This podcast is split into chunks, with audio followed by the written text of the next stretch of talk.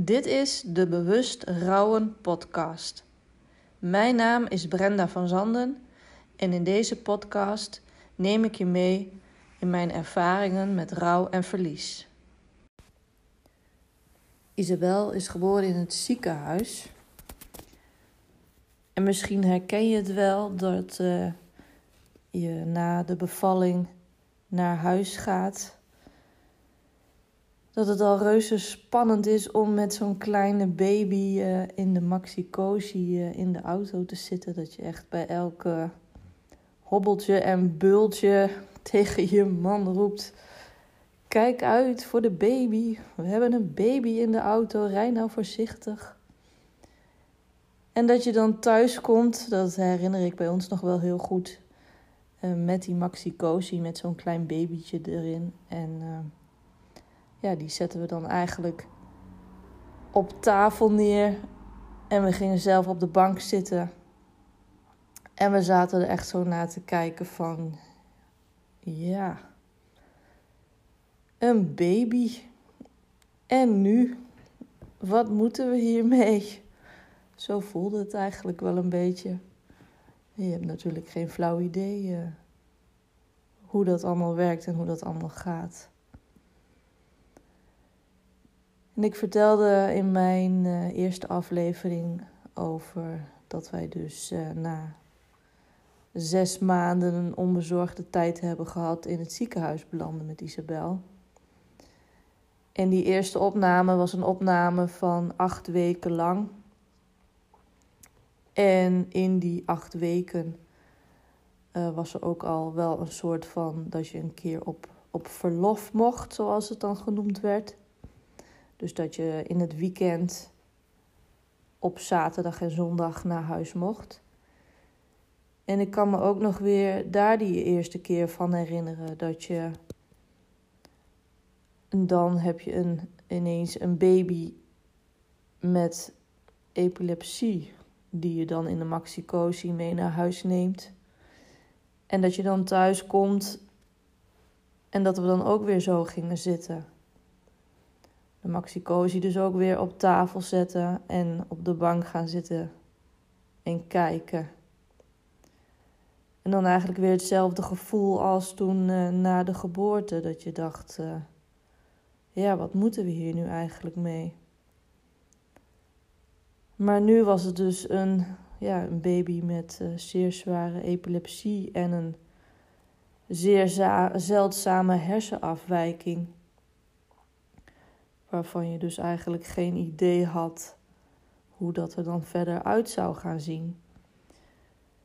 En voor mij was het eigenlijk ook zo, en ik zeg het, uh, ik herhaal het eigenlijk nog wel een keer, want het is vooral die, die begintijd en die beginjaren. Ik denk echt uh, dat dat wel iets van drie jaren geweest zijn. Echt de jaren voordat wij hulp uh, kregen in huis.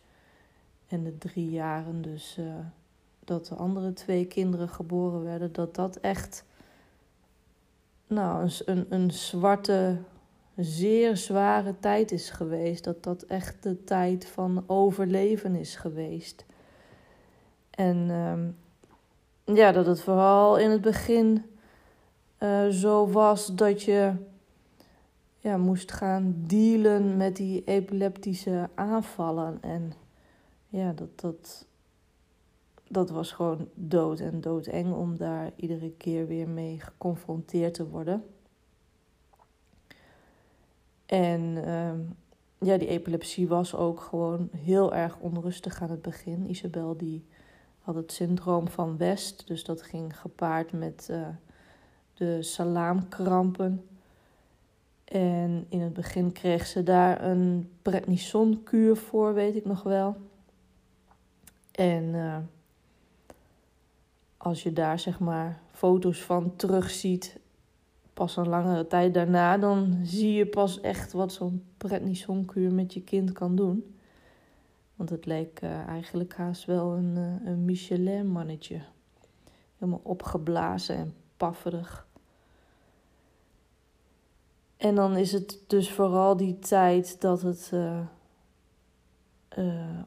om het instellen van medicatie gaat. En dat je in zelf een beetje bij beetje gewend raakt aan ja, dat verschrikkelijke monster wat zeg maar in haar, in haar hoofd zit en, en wat er dan elk moment uit kan komen.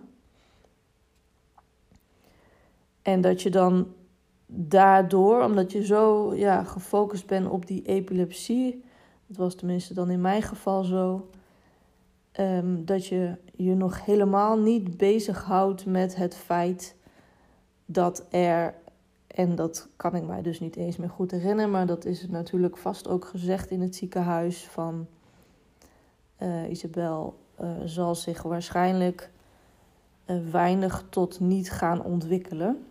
Dat is toch wel wat er vaak gezien wordt bij kindjes met syndroom van West. En Isabel had natuurlijk ook de hersenafwijking, lysencefalie erbij.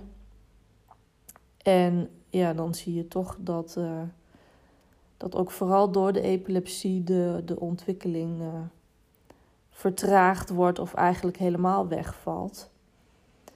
Maar eigenlijk is, is de, het gegeven van dat zij die zware epilepsie had, dat was voor mij in het begin wel zo groot dat ik helemaal geen besef of benul ervan had wat het dan eigenlijk inhoudt als je kind zich niet ontwikkelt of bijna niet ontwikkelt.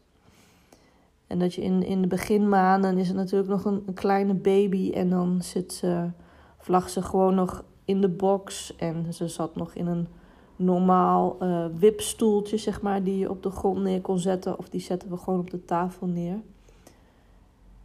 Maar ja, dan komt in het moment dat ze uh, groter wordt en dat er dan ook gezegd wordt, ja, dan moet ze eigenlijk wel in een uh, kinderstoel gaan zitten. En uh, ja, dat, dat is dan natuurlijk niet de welbekende stokkenstoel waar ze in komt te zitten. En dat was voor mij eigenlijk wel de eerste aanraking met het, ja, toch wel het woord gehandicapt zijn van je kind. En dat je, zeg maar, daarvoor, als je daar nog helemaal niet mee te maken hebt gehad, je dus echt gewoon geen flauw benul hebt van wat daarbij komt kijken als je kind dus niet uh, zelfstandig kan zitten. Dus er werd een, uh, een afspraak gemaakt. Ik neem aan dat Johan die gemaakt heeft. Dat uh, weet ik eigenlijk ook helemaal niet uh, hoe dat allemaal gegaan is. Maar in ieder geval stond daar toen op een gegeven moment hier een mevrouw voor de deur. Met echt een verschrikkelijke, ja, ik noem het maar een, een gedrocht van een kinderstoel. Een enorm gevaarte op vier heel ver uitstekende poten met wieletjes eraan. En met een enorme lelijke, uh, ja, in het Gronings zeggen we, zeggen we bret, maar ik denk niet dat dat het juiste Nederlandse woord is, maar een enorm uh, ja, dienblad, om het zo maar te noemen, waar ze dus. Uh, waar je dus bijvoorbeeld haar eten op zou kunnen zetten of waar ze iets op kan zetten waar je mee kan spelen. Maar ja, dat, moment ook dat er dan zoiets uh, je kamer wordt binnengereden. En dat dan, dan voor het eerst echt een, een beetje het besef komt wat dat allemaal gaat inhouden. Dat je kindje uh, gehandicapt, uh, zeggen we dan eigenlijk liever niet, maar dus ernstig meervoudig beperkt is. En uh, ja, dat vond ik wel heel heftig. Omdat uh, dan gaat ineens heel snel echt dat, dat, dat, dat mooie, veilige stukje van het, het baby zijn gaat er dan wel even echt helemaal vanaf, vond ik. Ik denk dat ik dat wel de juiste manier is om het, uh, om het te omschrijven. En dat gaat dus van een, uh, een kinderstoel en dan paste ze natuurlijk op een gegeven moment ook niet meer goed in, uh, in haar kinderwagen. Volgens mij hebben we dat op zich nog best wel lang kunnen rekken. En dan kwam er dus ook een uh, aangepaste wandelwagen. De Stingray Buggy, vast ook wel een bekende benaming bij, bij veel mensen. Ik was in ieder geval al lang blij dat hij er wel heel, uh, heel stoer uitzag. En uh, ja, dat was eigenlijk ook de eerste kennismaking met uh, een instantie waar dat hulpmiddel dan vandaan kwam. En ik zal heel eerlijk zeggen dat ik me daar zelf nooit mee bezig heb gehouden waar dat allemaal vandaan uh, moest komen. Dat deed, uh, dat deed mijn man allemaal. Maar wat ik nog wel weet is dat er um, Isabel die uh, ging, of we gingen natuurlijk dan wel wandelen met Isabel en uh, dan uh, als het zonnig was, was bijvoorbeeld het wel handig als er een kap overheen kon tegen de zon.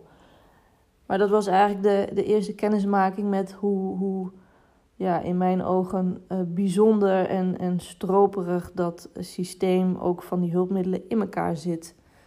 En dat het uh, nou, best wel een uh, moeite heeft gekost en tijd overheen is gegaan om uiteindelijk zo'n kap bij die buggy te kunnen krijgen. En dat er volgens mij eerst ook aangegeven werd dat we hem wel zelf konden kopen. En het volgens mij uiteindelijk wel gelukt is, omdat Isabel dus uh, de epilepsie heeft en dat ze uh, zeg maar ineens heel erg fel licht ook een trigger kan zijn voor een epileptische aanval. Dus uiteindelijk is die kap er wel gekomen, doordat we dus aangegeven hadden dat het wel een echte een medische reden was. Maar dan nog vond ik dat op dat moment dat ik echt dacht van jemig we doen we toch allemaal moeilijk over? Waar zijn we toch allemaal mee bezig? En uh, ja, dat was eigenlijk. Uh, of dat samen met die kinderstoel waren eigenlijk de eerste, eerste stapjes die je dan in, uh, in zorgland ging zetten.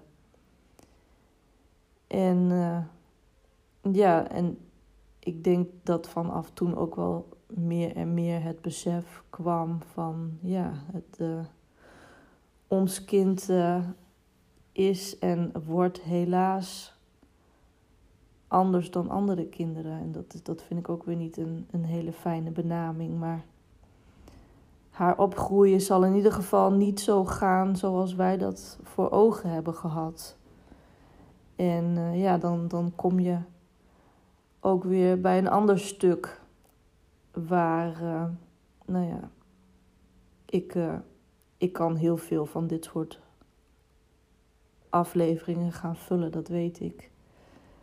Maar dan komen we dus bij het stuk van levend verlies. En uh, ja, daar wil ik graag in een van mijn andere podcast-afleveringen ook weer meer over gaan vertellen.